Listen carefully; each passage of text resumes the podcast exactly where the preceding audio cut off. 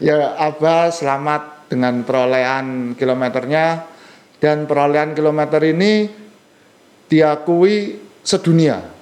Oh ya, kalau Sedunia. Anda lihat Strava bulan Oktober, Ya, terbanyak kilometer sedunia itu sekarang dipegang oleh Abah Asil. Abah Asril ini.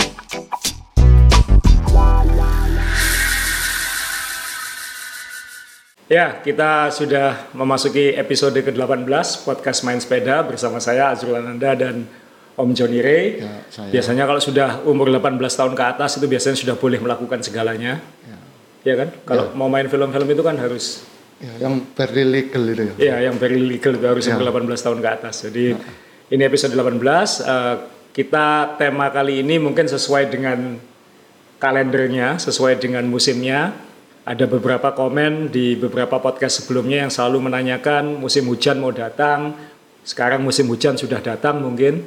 Eh, goes di musim hujan itu seperti apa? Nah, jadi kita tema kita hari ini adalah menghadapi musim hujan. Tetap goes atau berhenti? Nah, idealnya kan tetap tetap goes ya. Ya, Idealnya tetap goes. idealnya. Eh, kalau misalnya saya eh, ya belakangan mungkin eh, intensitas goes di musim hujan mungkin sudah nggak kayak dulu. Dulu karena mungkin sekarang nanti kita bahas ya nanti ada indoor training segala macam. Kalau dulu kan waktu saya pertama kali goes kan teknologi indoor belum seperti sekarang. Sekarang, ya. Jadi mau nggak mau hujan ya Tetap ya keluar. Ya. Nah, Omre, apalagi Omre, Omre goesnya sebelum saya dulu. Seneng Ka- hujan-hujan. Iya, lebih seneng kalau hujan. Kenapa? Mungkin seneng basah-basah. Seneng basah-basah.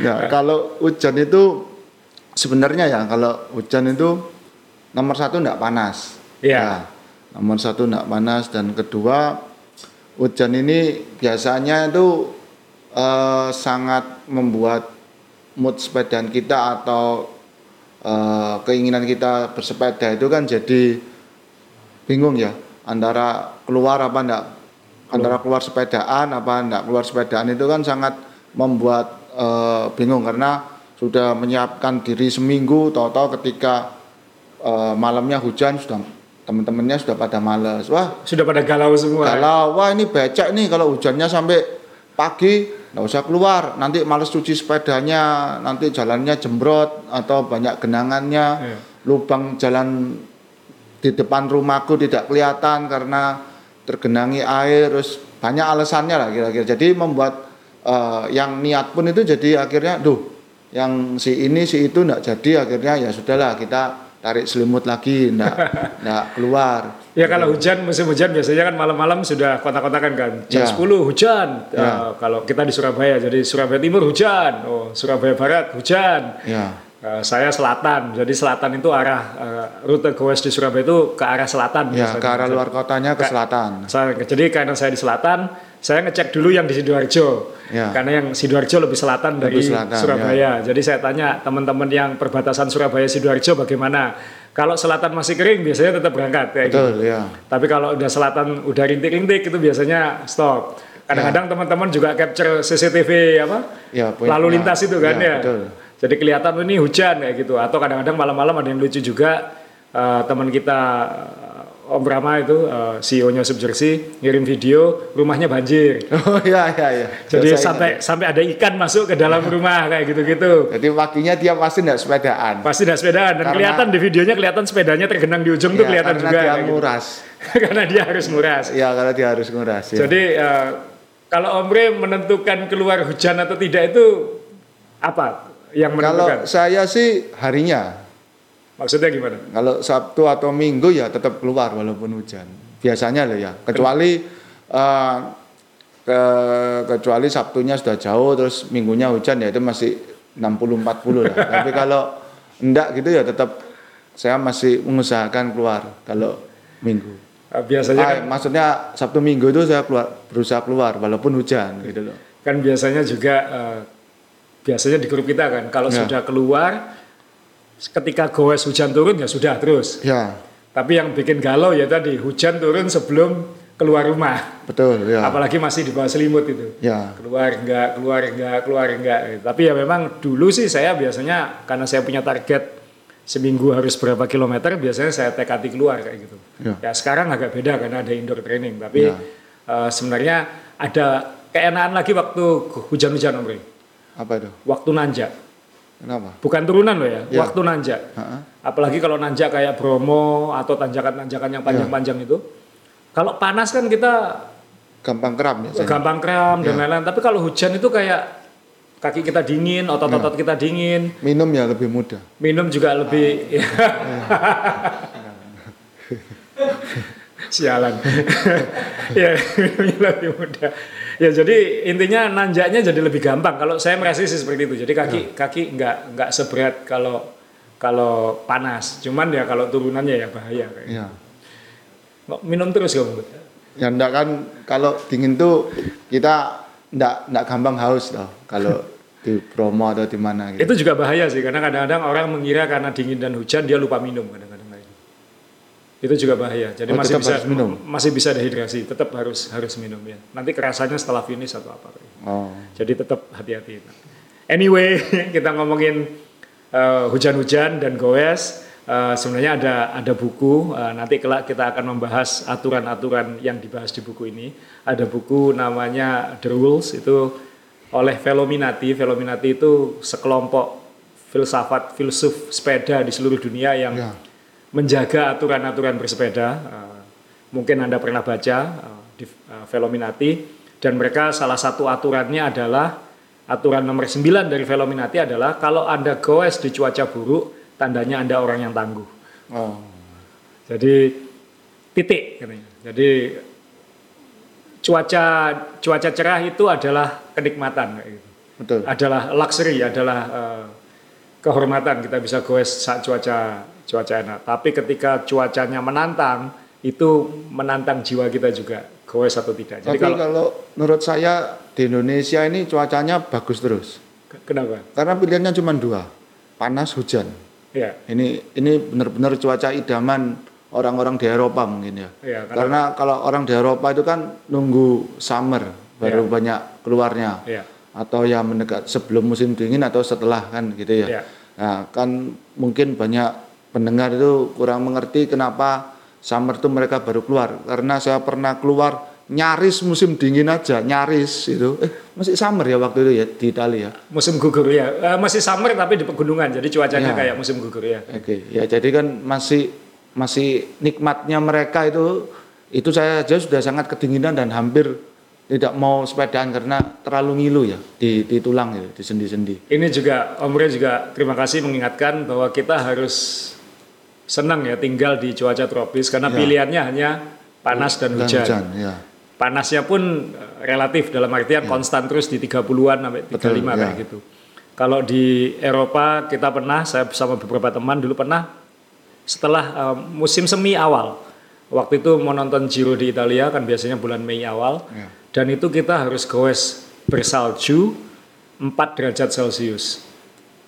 Jadi- Celcius. Dan itu naik turun gunung. Jadi ya kita harus enaknya di Indonesia ini sebenarnya kita bisa goes lebih banyak daripada orang-orang Eropa atau Betul, Amerika ya. itu. Dan ketika musim panas pun ingat waktu kita di Spanyol kan Om Ria? Ya, kering sekali. Kering sekali dan 40 derajat lebih waktu itu. Ya. 41 42 derajat kering panas terik. Jadi benar-benar Indonesia ini cuacanya relatif konstan. Jadi sebenarnya kita harus bersyukur kita tinggal di tempat yang iklimnya kondusif untuk goes terus. Ya, Yang nggak kondusif mungkin lalu lintasnya ada jalannya, tapi tapi secara cuaca kita ini selalu kondusif. Jadi benar Om Rey tadi. Jadi kita syukuri. Jadi karena kita di tempat seperti ini, goes lah se- selagi bisa kan kayak gitu. Oke, jadi itu tadi soal goes atau tidak saat hujan. Nah pertanyaannya sekarang ada juga yang nanya, perlu nggak sepeda khusus hujan? Om Rey punya sepeda khusus hujan? secara khusus ada ya yang, yang kemarin kuning itu kan ada vendornya. Iya, tapi ya malah jarang dipakai. Karena eh, tetap yang ngajak kan temennya ya itu itu aja. Jadi kalau pakai sepeda itu ikut temen-temen yang itu ya lebih baik nggak usah lah. Jadi tetap pakai road bike yang ada ya udah Ya, diterabas saja kayak gitu. ya pakai sepeda yang ada aja.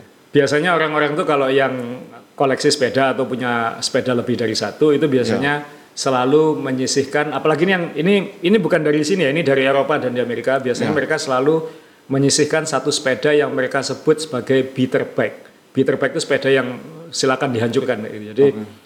yang mungkin lebih murah dari sepeda-sepedanya yang lain, yang bahannya pasti bukan karbon, biasanya hmm. aluminium atau steel atau mungkin titanium, uh, yang komponen-komponennya juga yang ya secukupnya, jangan yang mewah segala macam karena ini ya. dipakai saat cuaca buruk.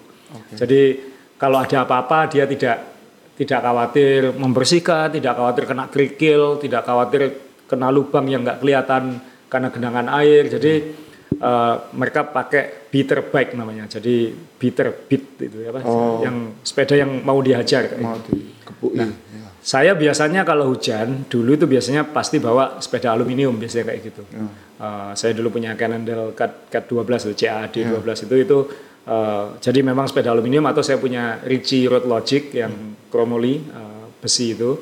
Yang nggak uh, punya jam yang dibahas. Enggak, tapi saya pengen kasih contoh ini. Ini yang saya bawa sepeda titanium saya, ini sepeda titanium kesayangan saya. Ini uh, sudah lebih dari lima tahun saya punya ini, uh, lebih mungkin. Ya, jadi ini sepeda titanium dan uh, komponennya semua ini kalau cuaca buruk saya biasa pakai ini. Uh, kalau keluar kota misalnya ke tempat-tempat yang mungkin perawatan sepeda agak susah, uh, saya bawa sepeda ini.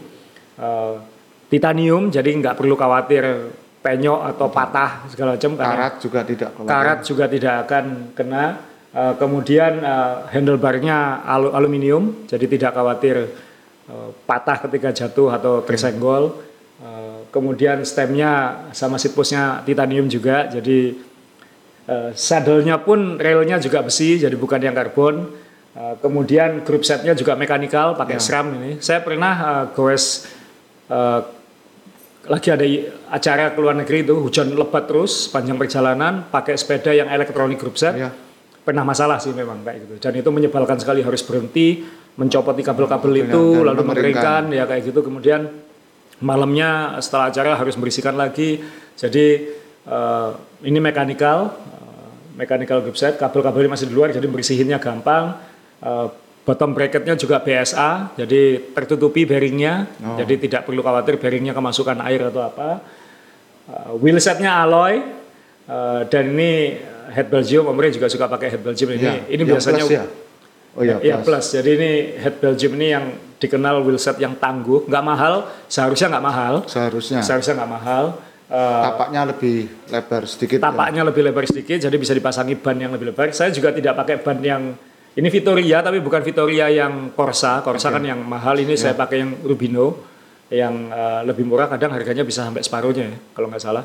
Jadi dan ban ini memang lebih uh, kuat Eh, jadi lebih tebel, lebih berat. Jadi kalau hujan-hujan, kalau misalnya kena lubang jalan yang nggak kelihatan, merasa lebih aman. Jadi uh, ya ini kira-kira contoh sepeda hujan-hujan saya kayak gitu. Okay. Uh, eh, ya mohon maaf sepeda saya kan memang lebih dari satu. Jadi sepeda hujan-hujan saya bukan ini. Kalau pakai yang seperti itu dengan segala karbon dan lain-lain uh, selalu was-was. Karena ya itu tadi saya pernah goes uh, masalah dengan elektronik group setnya kayak gitu. Jadi Ya lebih atau juga pernah dulu uh, kena kerikil tak lalu karbonnya retak di bagian bawah atau apa karena kan kalau hujan biasanya kan kerikil-kerikil uh, pasir-pasir kasar itu ke tengah jalan semua Betul. atau terbawa ya. air sehingga uh, semakin rata di jalan. Jadi kena misalnya terlontar ban lain atau ya. ban motor atau apa lotak gitu kena ya. kena frame kadang-kadang bisa bikin retak. Jadi biasanya sepeda khususnya hujan-hujan orang-orang itu yang bukan karbon biasanya gitu yang yang yang seminimal mungkin. Ini ironisnya malah cranknya yang karbon dan forknya si karbon, tapi overallnya ini sepeda tahan banting lah kira-kira gitu. Nah itu itu soal sepedanya. Uh, soal ban tadi saya sudah singgung. Uh, ini juga ada yang nanya, meskipun saya pakai ban yang saya pakai kalau hujan, tapi kan ada yang tanya, perlu nggak sih ban hujan? Kan mungkin bayangannya kayak F1 ya, atau ya. MotoGP gitu kan ya. ya kalau kering pakai ban polos, kalau ya hujan ganti ban yang ada. gripnya ya. ada batiknya ya, ya. Ada apa threadnya ada ya. ada guratan-guratannya. Sebenarnya untuk road bike MTB pasti beda ya karena MTB ya. kan dia menyesuaikan medan. Betul. Atau mungkin gravel bike juga menyesuaikan jenis kerikilnya atau off roadnya seperti apa. Ya. tapi kalau untuk road bike yang di jalan sebenarnya nggak perlu sebenarnya. Sebenarnya juga nggak perlu pakai ban yang yang lebih yang ada lebih tebel lebih tebal gitu sebenarnya juga nggak perlu. Karena ini konsepsi apa ya eh, ilmu pengetahuan. Jadi misalnya ban sepeda road itu kan 25 23 dulu, 25, 28 rata-rata itu. Iya. Kalaupun ada yang lebih lebar mungkin 30 atau 32. ya sudah kadang-kadang sudah nggak dibilang sepeda road bike ya Ya kalau udah itu sudah bukan road bike Ya. ya. Tapi kan rata-rata 25 28 itu Ya. sekarang ya. Nah, itu sebenarnya kan lebarnya kan nggak sampai 3 cm, dua setengah sentian kan ya. ya, seginian. Ya seginian lah ya. Jadi ini sebenarnya teorinya sebenarnya tidak perlu ada thread, tidak perlu ada batiknya itu tidak perlu. karena sudah terlalu kecil ya Dia kecil, jadi lebih baik eh, polos pun sebenarnya aman saat hujan. Kenapa? Genangan air itu kalau ban sepeda lewat itu dibelah masih. oh Jadi yang bikin mobil balap atau mobil selip saat hujan itu namanya aquaplaning. Aquaplaning itu adalah ketika permukaan ban ini meng, eh, apa, mengapung di atas air, Air. sehingga tidak ada grip, ya kemudian selip kayak gitu. Nah, Oh. sepeda road kalau itu lurus pada dasarnya tidak akan aquaplaning karena dia akan membelah air itu tadi membelah air itu tadi. Jadi ya tergantung dalamnya ya kalau kalau tinggi ya banjir banjir ya nggak bisa goes tapi pada intinya akan membelah air itu Eh, jadi memang ada beberapa kayak ini saya pegang ada Grand Prix 4000S ini termasuk yang paling populer ya. Sekarang Grand Prix 5000 itu. Memang ada guratan-guratannya sedikit tapi sebenarnya ini tidak terlalu signifikan. signifikan. Ini kan lebih di pinggir jadi mungkin ketika nikung kan miring biasanya kayak gitu. Tapi itu pun sebenarnya juga bukan eh, bukan keharusan. Eh, ba- masih banyak ban ban yang katanya ban segala cuaca tapi polos. Itu juga juga ada. Jadi kenapa disebut segala cuaca? Itu juga bukan karena dia batiknya khusus enggak dia malah biasanya lebih tebel ya seperti yang saya pakai di sepeda titanium ini jadi eh, ban segala cuaca itu bukan berarti kembangannya lebih dalam kayak kayak ban basah kayak gitu Tapi F1 kembali lagi kalau segala cuaca itu kan yang buat ini kebanyakan orang Eropa, segala Iya. cuacanya mereka itu kan nyangkut salju iya dan yang lainnya itu kan. Eh, salju dan kadang-kadang eh, masalah di jalan kalau di Amerika yang saya yang saya dikasih tahu orang Iya. adalah karena di sana lalu lintas mobil begitu tinggi eh, kemudian banyak ban, kalau ban mobil itu pecah kan ada ada elemen-elemen Itu yang kayak bajanya kawatnya tuh. kawat-kawatnya Iya, itu kawatnya nah itu radial. biasanya bertebaran di pinggir jalan Oh, nah itu yang paling banyak melukai ban sepeda dan bikin bocor katanya kayak gitu betul karena sangat tipis sekali kawatnya. ya kawat-kawat ban mobil itu Ya. atau kerikil-kerikil tajam di pinggir jalan. Jadi yang namanya ban segala cuaca itu bukan kembangannya untuk air tapi lebih ke lebih tahan tusukan atau benda tajam kayak gitu aja. Lebih berat malah kayak gitu. Jadi sekali lagi masih banyak orang belum paham kalau road bike itu sebenarnya tidak perlu ban khusus hujan karena dia tidak akan aquaplaning, dia tidak akan ngambang. Kalau remnya Om? Nah, rem rem ini lain lagi karena rem kan kita ngomong apalagi sekarang ada disc brake ya. Ya, Jadi eh, disc brake kalau sudah pakai disc brake ya relatif lebih lebih aman. Eh, kalau kalau misalnya pakai rim brake ya seperti saya tadi saya pakai alloy, yang alloy. pakai alloy wheel karena remnya lebih aman kan. Ada brake lainnya. Ada brake lainnya dan yang lebih penting lagi kalau itu basah dan hujan Ya. biasanya kan di eh, karet rem itu biasanya roda ini akan membawa pasir atau Ya, betul. pasir halus atau kerikil halus ikut Di- berputar betul. sehingga dia nyangkut di karet rem Ya. Yang kemudian itu bisa eh, apa menggesek melukai eh, permukaan Dari velgnya ini. peleknya itu. Nah, kalau karbon risiko apa peleknya rusak akan jauh lebih besar. Jadi eh, kecuali pembalap pro bisa dibuang peleknya kayak gitu. Ya, kalau buat kita-kita kan ya yang aman pakai alloy. Itu itu soal rem. Tapi kalau sudah pakai disc brake biasanya relatif lebih Lebih aman. lebih aman gitu. Cuman setahu saya kalau karbon itu di ketika turunan itu aja sudah gripnya sudah lemah ya. Ya. Apalagi kalau kena hujan itu biasanya teman-teman biasa kalau event itu kalau pakai karbon kalau ngerem itu sampai ngomong permisi-permisi karena kalau jalannya turun dia pasti nyeruntung turun karena Nggak bisa ngerem, nggak ya. bisa ngerem nggak ada Ya. gripnya Ya. gitu Ini ini tips saja ya, Om Re, saya dan teman-teman di kelompok kita kalau goes yang tanjakannya tinggi-tinggi seperti Bromo, Ya. mungkin nanjaknya pakai pelek karbon, tapi turunnya kita ganti pelek alloy biasanya kayak gitu. kalau bisa ganti Kalau bisa ganti ya. Saya sih biasanya kayak gitu. Kalau naik pakai karbon, turun pakai alloy. Lebih lebih safe aja. Apalagi kalau hujan. Oke, itu tadi soal sepeda dan dan Ban, ban, dan rem. Nah, sekarang soal aparel. Ini Om kalau hujan-hujan kita pakai baju apa? Atau nggak pakai baju kayak anak-anak main bola? Kalau jangan masuk angin. kalau kalau soal aparel, kalau saya sebetulnya jersey kita kebanyakan itu apalagi yang buat summer itu, Ya. itu sudah cukup sih untuk hujan-hujan di sini di wilayah Indonesia tropis ini menurut saya sudah cukup. Karena kenapa cukup? Karena hujannya kita itu suhunya juga turunnya itu masih dinginan AC mall menurut saya ya. Paling yang bikin tidak kuat itu anginnya aja. Maksudnya ketika masih basah tapi Ya. kena eh, hembusan angin itu itu yang agak eh, lebih dingin. Jadi kalau memang seperti itu ya antara lihat-lihat hujannya, antara hujannya itu lama banget. Kalau lama banget ya kita bisa pakai vest. Ya. Ya mungkin contoh vestnya yang kalau mau dibawa yang tipis seperti gini.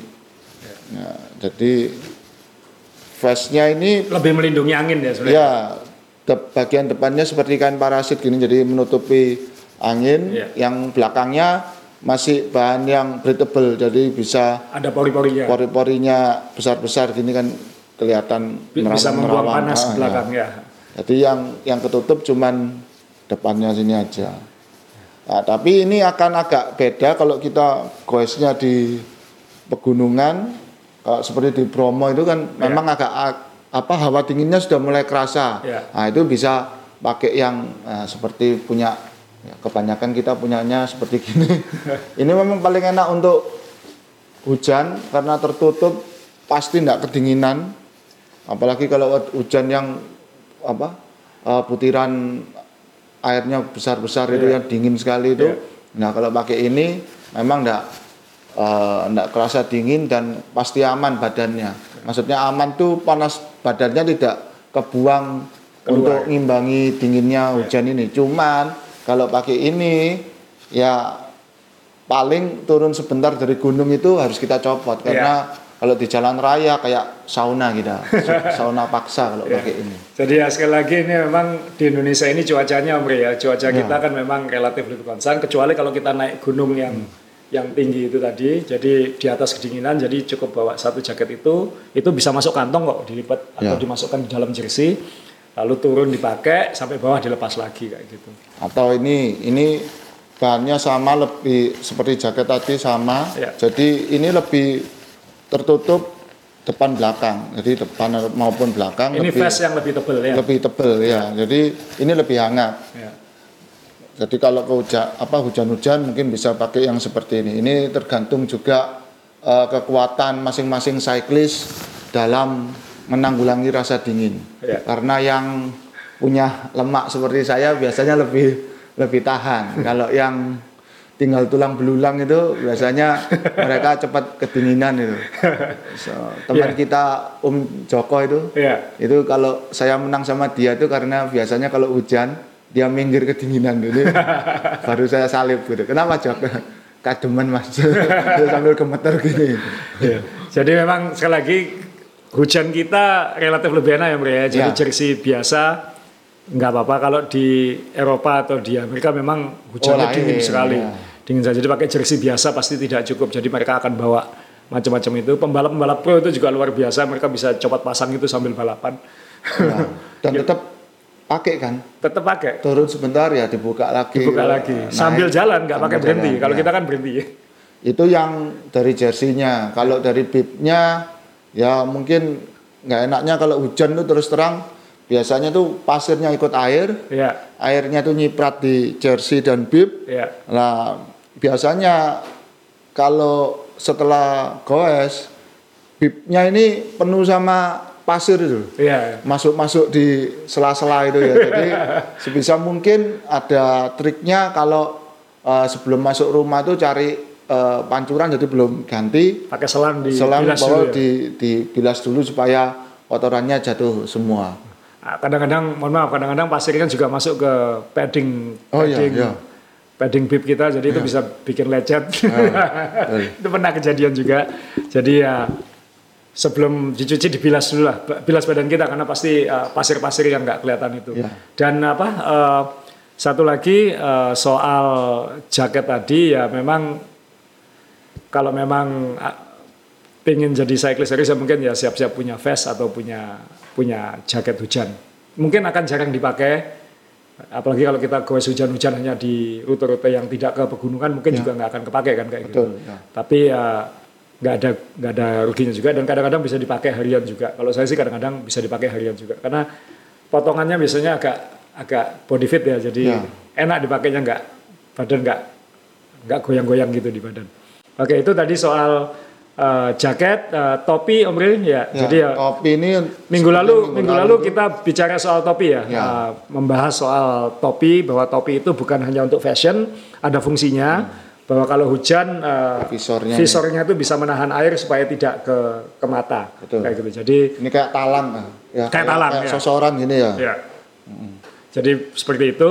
Uh, ada juga topi-topi yang ini saya bawa contohnya ini uh, topi yang bahannya lebih parasit ya, lebih uh, tidak bukan katun. Biasanya kan topi sepeda itu katun. Hmm. Uh, ini bahannya yang lebih tahan air.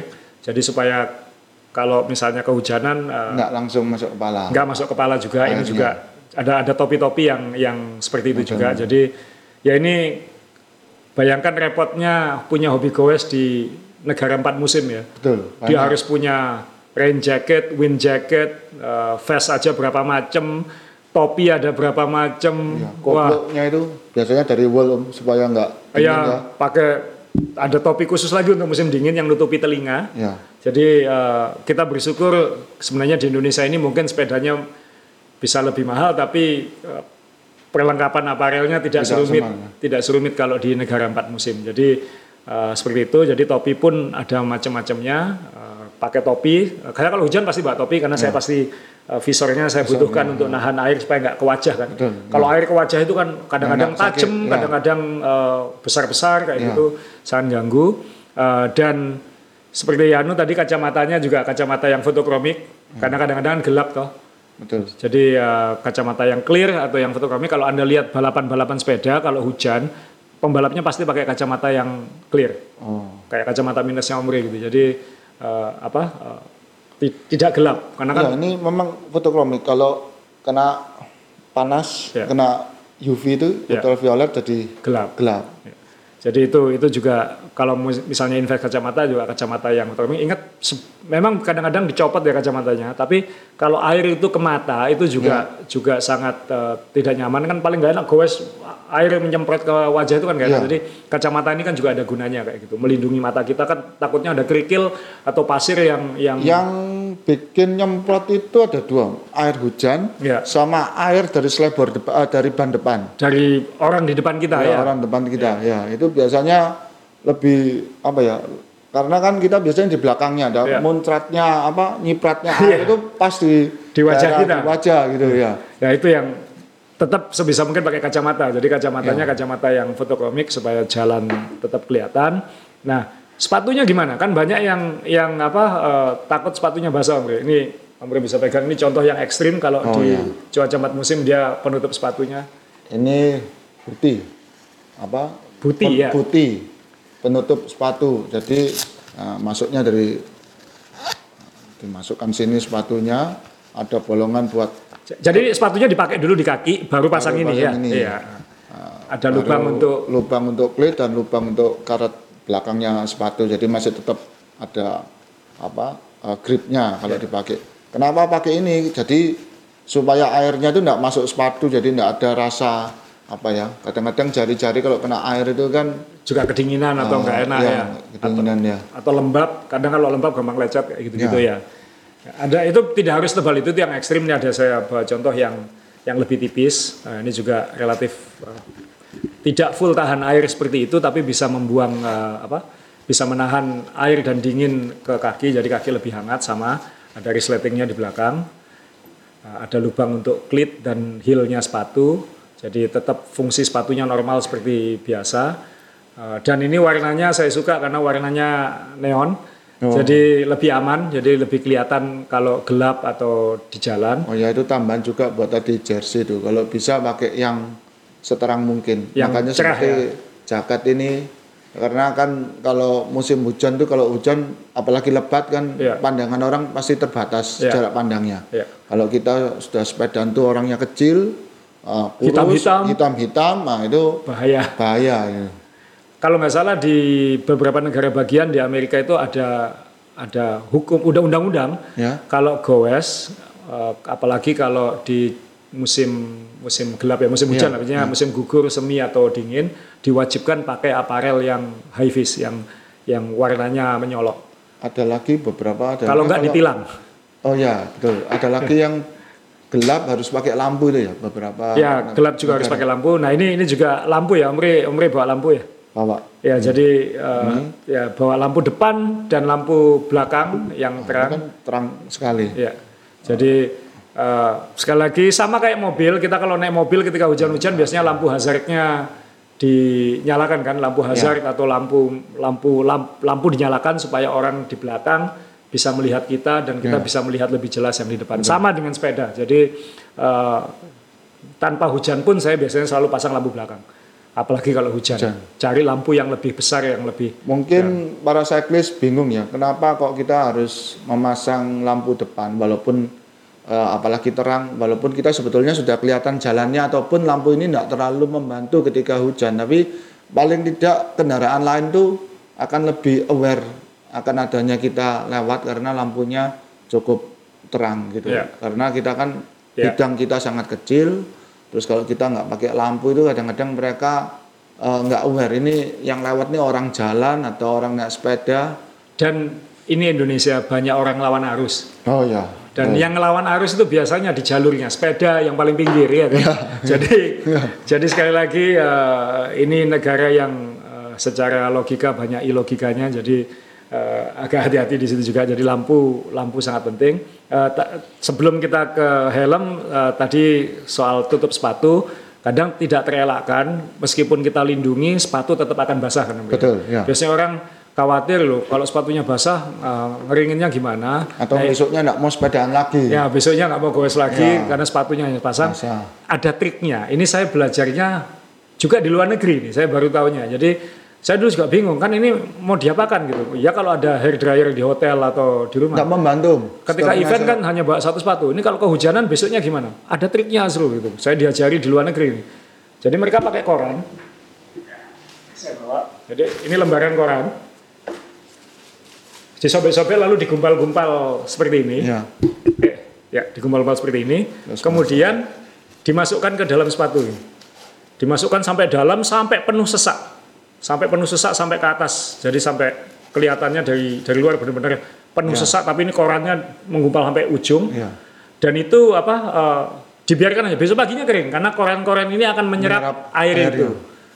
Habis itu dibuang. Jadi ini trik yang yang ini simpel banget. Kenapa kok saya nggak apalagi saya dulu kerja di koran gitu kok Ya. kok nggak kok nggak tahu apa namanya bisa ada trik seperti ini gitu. Jadi ya dan itu ketika kita event waktu itu ada event jadi goes beberapa hari emang dan hampir hujan terus. terus, ya. Dan sepatu cuma bawa satu. Jadi ya tiap malam ya eh, koran Ya, masukin koran. masukin koran terus tiap tiap malam pagi kering pagi kering jadi itu trik yang sangat murah sederhana dan koran ini juga ada fungsi lain ada fungsi lainnya kalau kedinginan kalau misalnya nggak bawa vest dimasukkan di belakang jersey Oh. jadi dia membantu ngeblok angin Oh iya. Jadi ini ini atau majalah atau apa yang nggak dibutuhkan bisa punya banyak fungsi kayak gitu. Jadi eh, ini trik yang bisa dicoba nanti kalau ketika event misalnya kehujanan cari koran dan bisa di di apa di remas-remas lalu dimasukkan dijejali sepatu itu sampai penuh. Oh ya, eh, tambahan lagi lebih baik eh, insulnya itu kalau bisa dikeluarkan kalau ini sebenarnya nggak perlu dikeluarkan karena Nggak akan perlu. terserap semua ya semua. kalau misalnya mau dikeluarkan juga nggak apa-apa tapi lebih baik mungkin di dalam karena akan diserap airnya kalau di luar kan dia tetap menunggu kering Oh. Ya, kalau- belum tentu ada matahari kalau Ya. malam jadi biarkan di dalam aja. Yang apa-apa. pasti kalau sama hair dryer lebih efektifan cara ini. Kenapa? Karena pasti keringnya. Kalau saya hair dryer itu Ya. nggak nggak kering-kering, kering kering sebentar terus eh, air yang dari dalamnya itu Keluar lagi. Dan Keluar lagi. Anda harus capek begini terus kan. Ini kan sudah sumpel aja tinggal bangun pagi kering. Ya. luar biasa ya. Ingat ya dilakukan di malam hari. Iya. Jadi jangan masukkan korannya satu jam sebelum mau goes. Jadi Iya. ya enggak berhasil. Nggak akan berhasil ya, Ya. terlambat. Terlambat. ya. Atau eh, maaf ini mungkin yang pengusaha hotel pakai handuk-handuk hotel itu, Oh. itu kalau udah kepepet itu itu juga juga bisa. Hmm. Sebenarnya itu ada trik lagi handuk hotel dan mengeringkan jersey, tapi itu itu untuk untuk lain kali mungkin kita ada tips-tips sederhana yang Hmm. yang bisa kita lakukan. Jadi bagaimana mengeringkan jersey dicuci di wastafel Ya. dengan handuk akan kering langsung siap pakai. Itu ada lagi triknya. Tapi, Tapi, itu itu tapi itu. anduknya enggak boleh pliket, Om. Ya handuknya harus bersih ya. Anduknya enggak boleh pliket. Ya. Ya, oke. sekarang eh, kalau hujan-hujan, helmnya seperti apa? Ini Om Ri sudah pakai helm aero ini. Jadi Ya. sebenarnya sudah setengah Betul. sudah sudah di Siap jalan hujan. yang benar. Ya. Tapi ini enggak mungkin hujan ruangan ini. Jadi eh, helm aero eh, biasanya kalau anda lihat balapan-balapan di luar negeri, kalau dia cuacanya dingin atau hujan, dia akan pakai helm yang tertutup. Jadi sebenarnya fungsinya bukan hanya untuk aero kan ya. Ya. Fungsinya supaya air tidak masuk ke Eh, Baru anu sela-sela Jadi bolongan seperti ini kita ada kasih contoh. uh, saya punya saya penggemar helm POC, jadi saya punya koleksi hampir semua warna. Uh, ini contoh yang normal kalau panas pakai ini uh, banyak lubangnya, banyak ventilasinya. uh, jadi kepala kita terus uh, kena kena angin dan dingin. Tapi Om Ri tolong kalau misalnya kalau misalnya hujan, ini sebenarnya helm yang sama. Kalau kita lihat dalamnya, sebenarnya ini helm yang sama. Dalamnya sama dengan yang lubang-lubang, cuman diberi penutup akrilik gini, yang yang dilem permanen. Jadi soal aero padahal ini sama. Jadi sebenarnya ini ongkos bikinnya hanya menambah akrilik gitu aja sebenarnya. Jadi Tapi enggak bisa dibuka ya. nggak bisa, ya bisa kalau mau, tapi habis itu ya Oh, enggak, enggak. Maksudnya eh, apa? permanen dia. Permanen. dilem ya. Karena memang ada aturan UCI untuk balapan bahwa penambahan perangkat aero di helm itu dilarang. Jadi kalau misalnya pakai penutup, penutupnya di- dibuat permanen. Jadi kalau itu dicek sama komisar mungkin ya pokoknya nggak bisa dilepas kayak gitu. Oh. Jadi ini eh, lebih tertutup semua. Jadi kalau kalau dingin atau hujan, apalagi ditambah topi, kepala kita akan selalu selalu hangat kayak gitu. Jadi ini salah satu contoh dua helm yang sebenarnya sama tapi beda. Tapi ada juga karena kita tidak balapan UCI, jadi kan bisa diakali. Jadi saya pernah eh, waktu itu ke Amerika kalau nggak salah, eh, dan waktu itu musim gugur. Jadi kita harus siap hari ini goes hujan atau enggak. Kalau kalau nggak hujan, ya ini saya lepas. Jadi bulan lepasnya agak susah. Jadi bisa dilepas. Jadi ini ini helm yang saya sangat suka pakai cat light sebenarnya. Sekarang sudah jarang sulit. Kayak sarang tawon tuh ya. Kayak sarang tawon. Jadi ini sangat adem, enak sekali. Eh, jadi kalau misalnya cuacanya normal ya kayak gini aja atau mungkin kasih topi kayak gitu aja eh, supaya nggak kedinginan. Tapi kalau memang hujan ya saya pasang. Itunya, tutupannya. Jadi ini sebenarnya bukan aero sebenarnya. Ini ini bisa dipasang komandan ya. Jadi ini untuk membuatnya di air nggak masuk ke ke dalam kepala. Jadi ada juga yang seperti itu. Eh, yang saya tahu laser ada yang seperti ini, tapi di Indonesia kayaknya nggak dijual harus harus cari. Kalau di luar negeri dijual biasanya.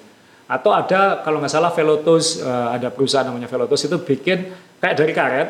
Jadi helm apa saja bisa di Oh, bisa ditutup tutup ya. jadi seperti ini kayak gitu. Jadi ya mungkin mayoritas kita tidak akan butuh seperti ini, tapi kalau kalau goes ke negara empat musim atau apa ini ini bisa di- dibutuhkan. Jadi ini contoh ternyata sepedaan itu nggak sederhana ya banyak Ya. banyak hal-hal kecil-kecil yang yang apa yang bikin eh, oh masih banyak yang harus kita pikirkan tadi jenis jaket jenis helm eh, trik-trik kecil-kecil dan lain-lain lampu kenapa harus dipakai gitu nah itu tadi kira-kira pernak-perniknya kayak gitu Eh, moga-moga sudah cukup ini Om Ria kayak gitu nah sekarang rutenya kalau hujan Om Ria. Rutenya yang penting. kalau hujan Anda milih rute yang seperti apa sama atau saya sih kebanyakan sama.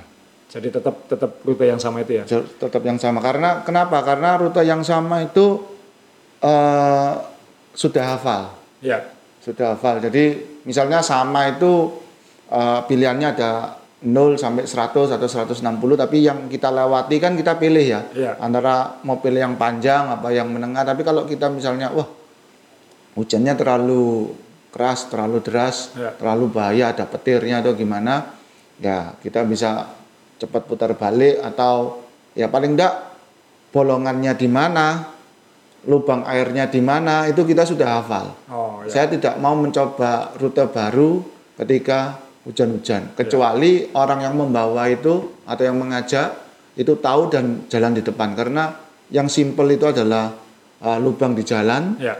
dan juga bolongan apa saluran air itu Ya. itu kan sangat bahaya apalagi kalau hujan itu kan eh, kelihatannya kalau airnya deras itu eh, lubang airnya itu kan ketutupan jadi seakan-akan tidak ada sari apa bolongan sari saluran air itu Ya. Nah, kelihatannya rata ketika Tutup kita drainase lewat itu ya, maksudnya. tutup drainase tahu-tahu ketika kita lewat bolongannya pas ya. seban sepeda Dan sering kali di Indonesia ini, eh, maaf, di banyak kota, itu yang saya perhatikan adalah jalur sepedanya itu jalur sepeda pencitraan. Ya Jadi, jadi jalur, ya sekedar ada jalur sepeda. ya Dan biasanya jalur sepeda itu kan paling pinggir.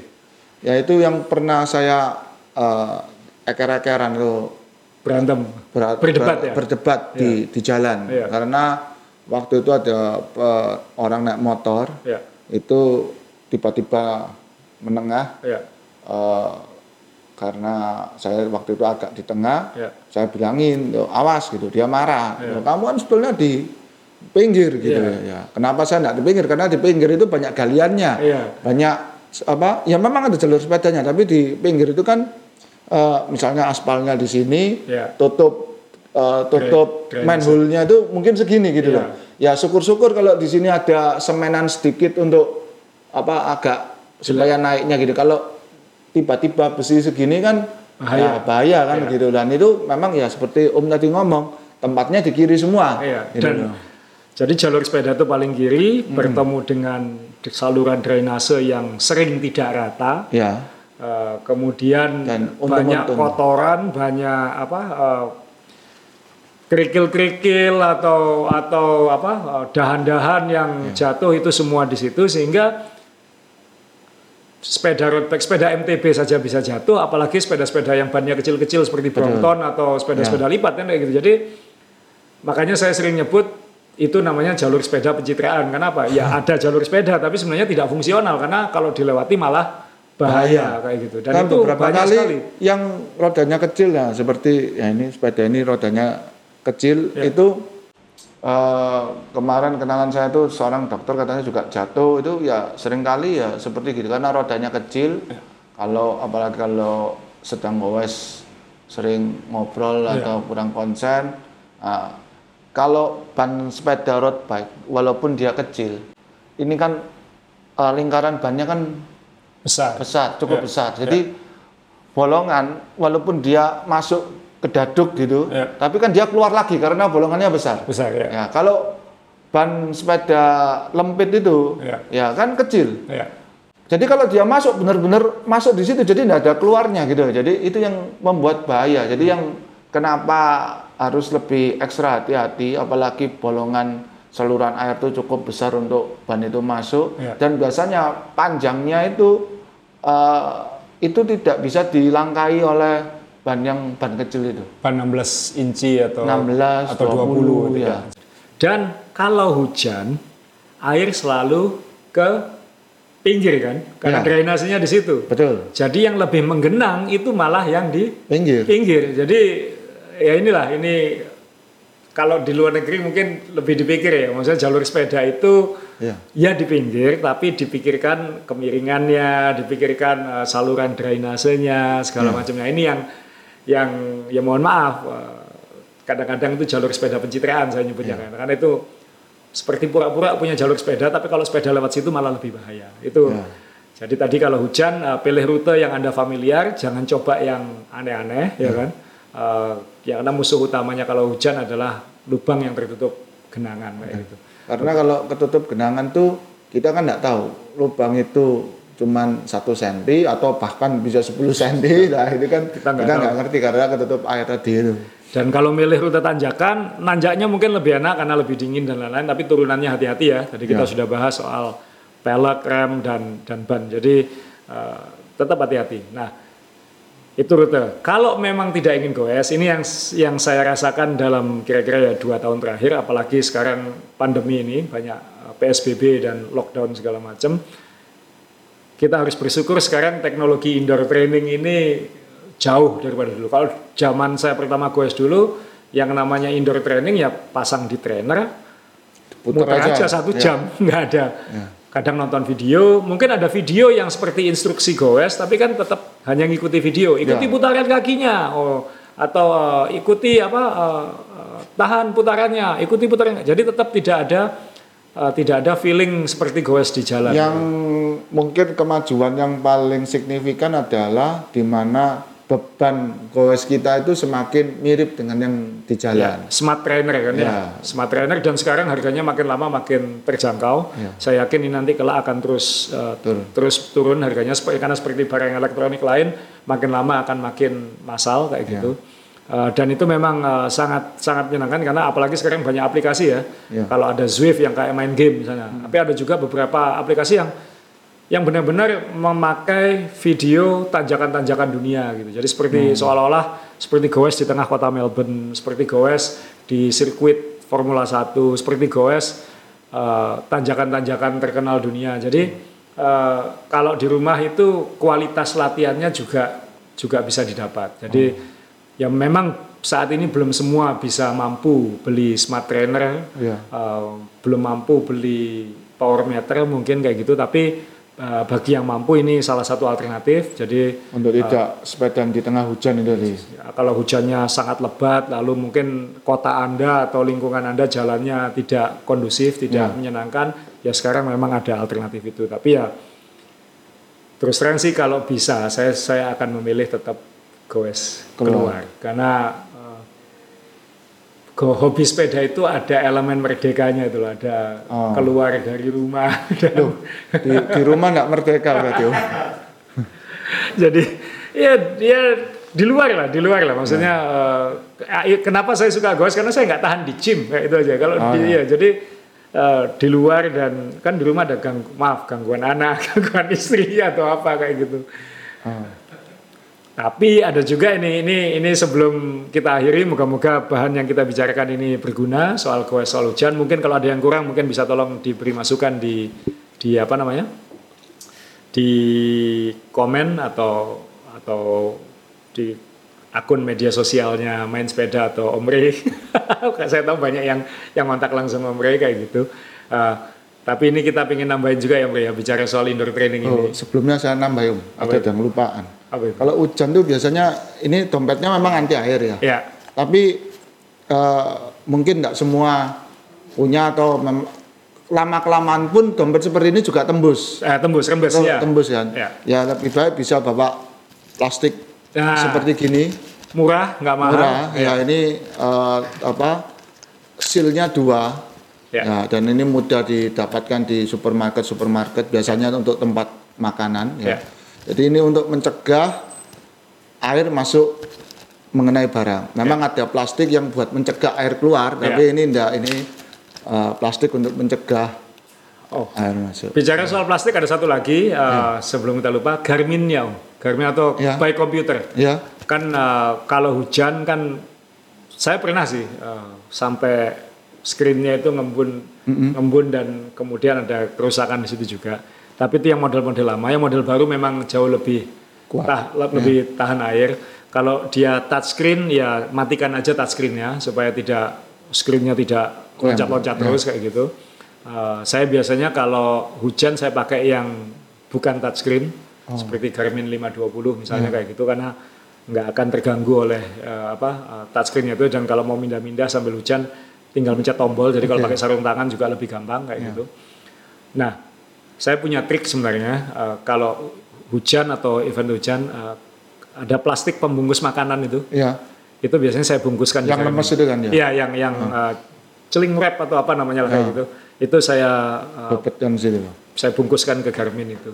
Uh, Kecuali bagian belakangnya sehingga masih bisa diputar itu juga membantu supaya air tidak khususnya bagian lubang uh, karet yang menutupi lubang charger itu. Iya. Uh, jadi itu yang saya tutupi pakai plastik itu. Jadi uh, saya tidak bawa di sini tapi itu salah satu ide juga. Ada juga teman yang dibungkus pakai Ginian, ginian aja cuman Ya. di di selontongkan gitu. sotongkan ya. Jadi itu juga nggak apa-apa. Jadi karena gowes hujan atau tidak datanya tetap penting karena katanya kalau nggak masuk Strava itu nggak gowes kan kayak gitu Iya. ya. Jadi yang paling stres kan kalau Ya, sudah gowes, udah PR ternyata datanya nggak bisa diupload ya. Apalagi untuk budak-budak Strava itu Om ya. Ya, karena kita harus akui banyak budak Strava di sekitar kita. Jadi Hmm. kalau nggak ada data dia bisa diulangi lagi itu ya. Ya. nah, oke sebelum kita tutup eh, kita ingin eh, mendedikasikan ending podcast ini untuk mungkin orang paling gila di sekitar kita sekarang, sekitar Om Re dan saya. Ini berkaitan dengan indoor training. Saya nggak tahu kenapa, kayaknya dia lagi ada lomba atau taruhan atau apa banyak-banyakan kilometer ini ya. Iya, kelihatannya. Ini sampai minggu seminggu saja sudah hampir 3000 kilometer Di atas trainer loh itu. di atas trainer di Zwift. Ya. Jadi dia menyetrika jalan virtual itu sampai benar-benar rata kayak gitu. Dan ini sudah ketika podcast ini tayang mungkin sudah mendekati 4000 kilometer kan. Satu hari 300 kilo ya. Satu, ki- satu hari antara 250 sampai 300-an kilometer ya. Jadi dia bangun pagi dua jam, Ya. dua jam setengah, kemudian siang satu jam dua jam, Ya. sore dua jam lagi, malam sebelum tidur jam 8 atau jam 9 malam itu goes lagi sampai de- hampir tengah malam kayak gitu. Jadi saya nggak tahu mungkin kita harus eh, mungkin harus ditulis artikelnya di main sepeda atau kita undang sini dan ini orang yang mungkin kalau anda mengikuti podcast ini mungkin anda secara tidak langsung kenal Ah. karena kalau anda nonton video balapan kita ya Om Rey, Oh iya iya, yang, juara itu. ya kita kan pernah bikin video balapan dan uh, Om Rey dan saya jadi komentatornya lumayan penontonnya itu nah yang juaranya itu Abang Iya. Asril Kurniadi Adenan itu dia ya, nanti anda bisa lihat videonya nih ada dia video sampai tidur tidur di atas sepeda trainernya itu Iya. Uh, anda bisa lihat di layar Uh, ini orang uh, kita harus tanya saya saya terus terang saya, saya hanya melihat di Strava dan di Zwift uh, Companion itu, uh orangnya lagi nge-Zwift. Sepeda. Lalu di Strava kelihatan, uh barusan nambah 76 km, barusan nambah uh, 80 km. Saya sehari 100 saja enggak pernah. Saya pernah beberapa kali. Di, di Swift loh ya. Eh, di Swift. Nah, membosankan kok buat saya. Eh, cukup menarik asal punya teman sih, asal punya teman. Kalau sendirian memang bisa sangat jenuh, tapi kalau kita bikin meet up janjian sama teman-teman yang lain, gue 100 kiloan itu bisa menarik, bisa menarik. Kalau 300 Nah, 300 ini oh masih ada jalan kan pemerintah kita membangun jalan raya, Tuhan menciptakan pegunungan, kemudian apa namanya keindahan alam itu kan bukan untuk ditonton virtualnya kan ya. Ya. Jadi eh, kita harus mengundang ini. Ini bukan berarti kita nyindir Abah Asril, salut, hebat, berani kayak gitu ya. Eh, miring juga di sininya. Cuman eh, ini sesuatu yang saya mungkin seumur hidup nggak pengen melakukan. Oh. Nanti kita akan tanya ke dia ya kenapa Ya. dia. Tapi ya inilah bahwa sekarang ada alternatif indoor, cuaca mulai hujan. Ini sangat memanfaatkan alternatif ini. Iya.